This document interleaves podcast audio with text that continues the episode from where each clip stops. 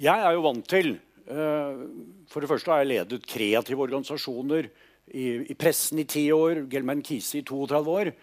Uh, så, så, jeg er vant til å lede mangfold, trodde jeg.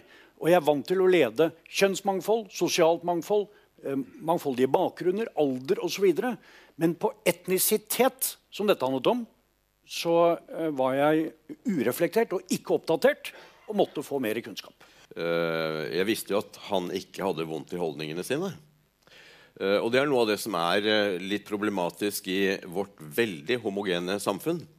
Det er at vi bærer på en svær, usynlig ryggsekk som heter majoritetsprivilegier. På amerikansk så heter, heter, det 'white privilege'. Og det er at vi tenker ikke på det. Og så kobler vi sammen fordommene våre med intensjon. Og så tror vi at dersom det ikke er intendert rasistisk, ja, da kan det ikke være rasistisk. Og så blir vi veldig indignerte.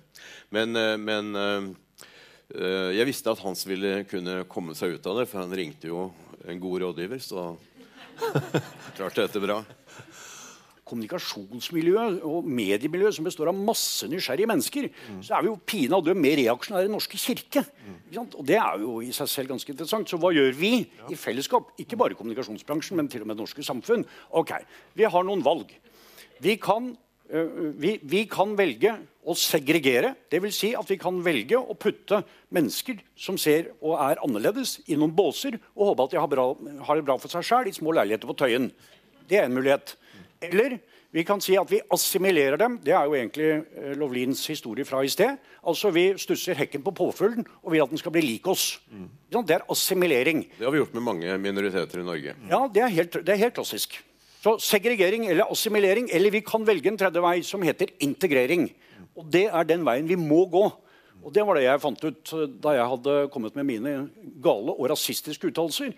Jeg vil bruke de talerstolene jeg har i det norske samfunnet, og det er en del av dem, til å forsøke å hjelpe oss å få til integreringen bedre enn det vi har fått til så langt. Og da vil jeg si til slutt eh, at mangfold er å bli eh, invitert på festen.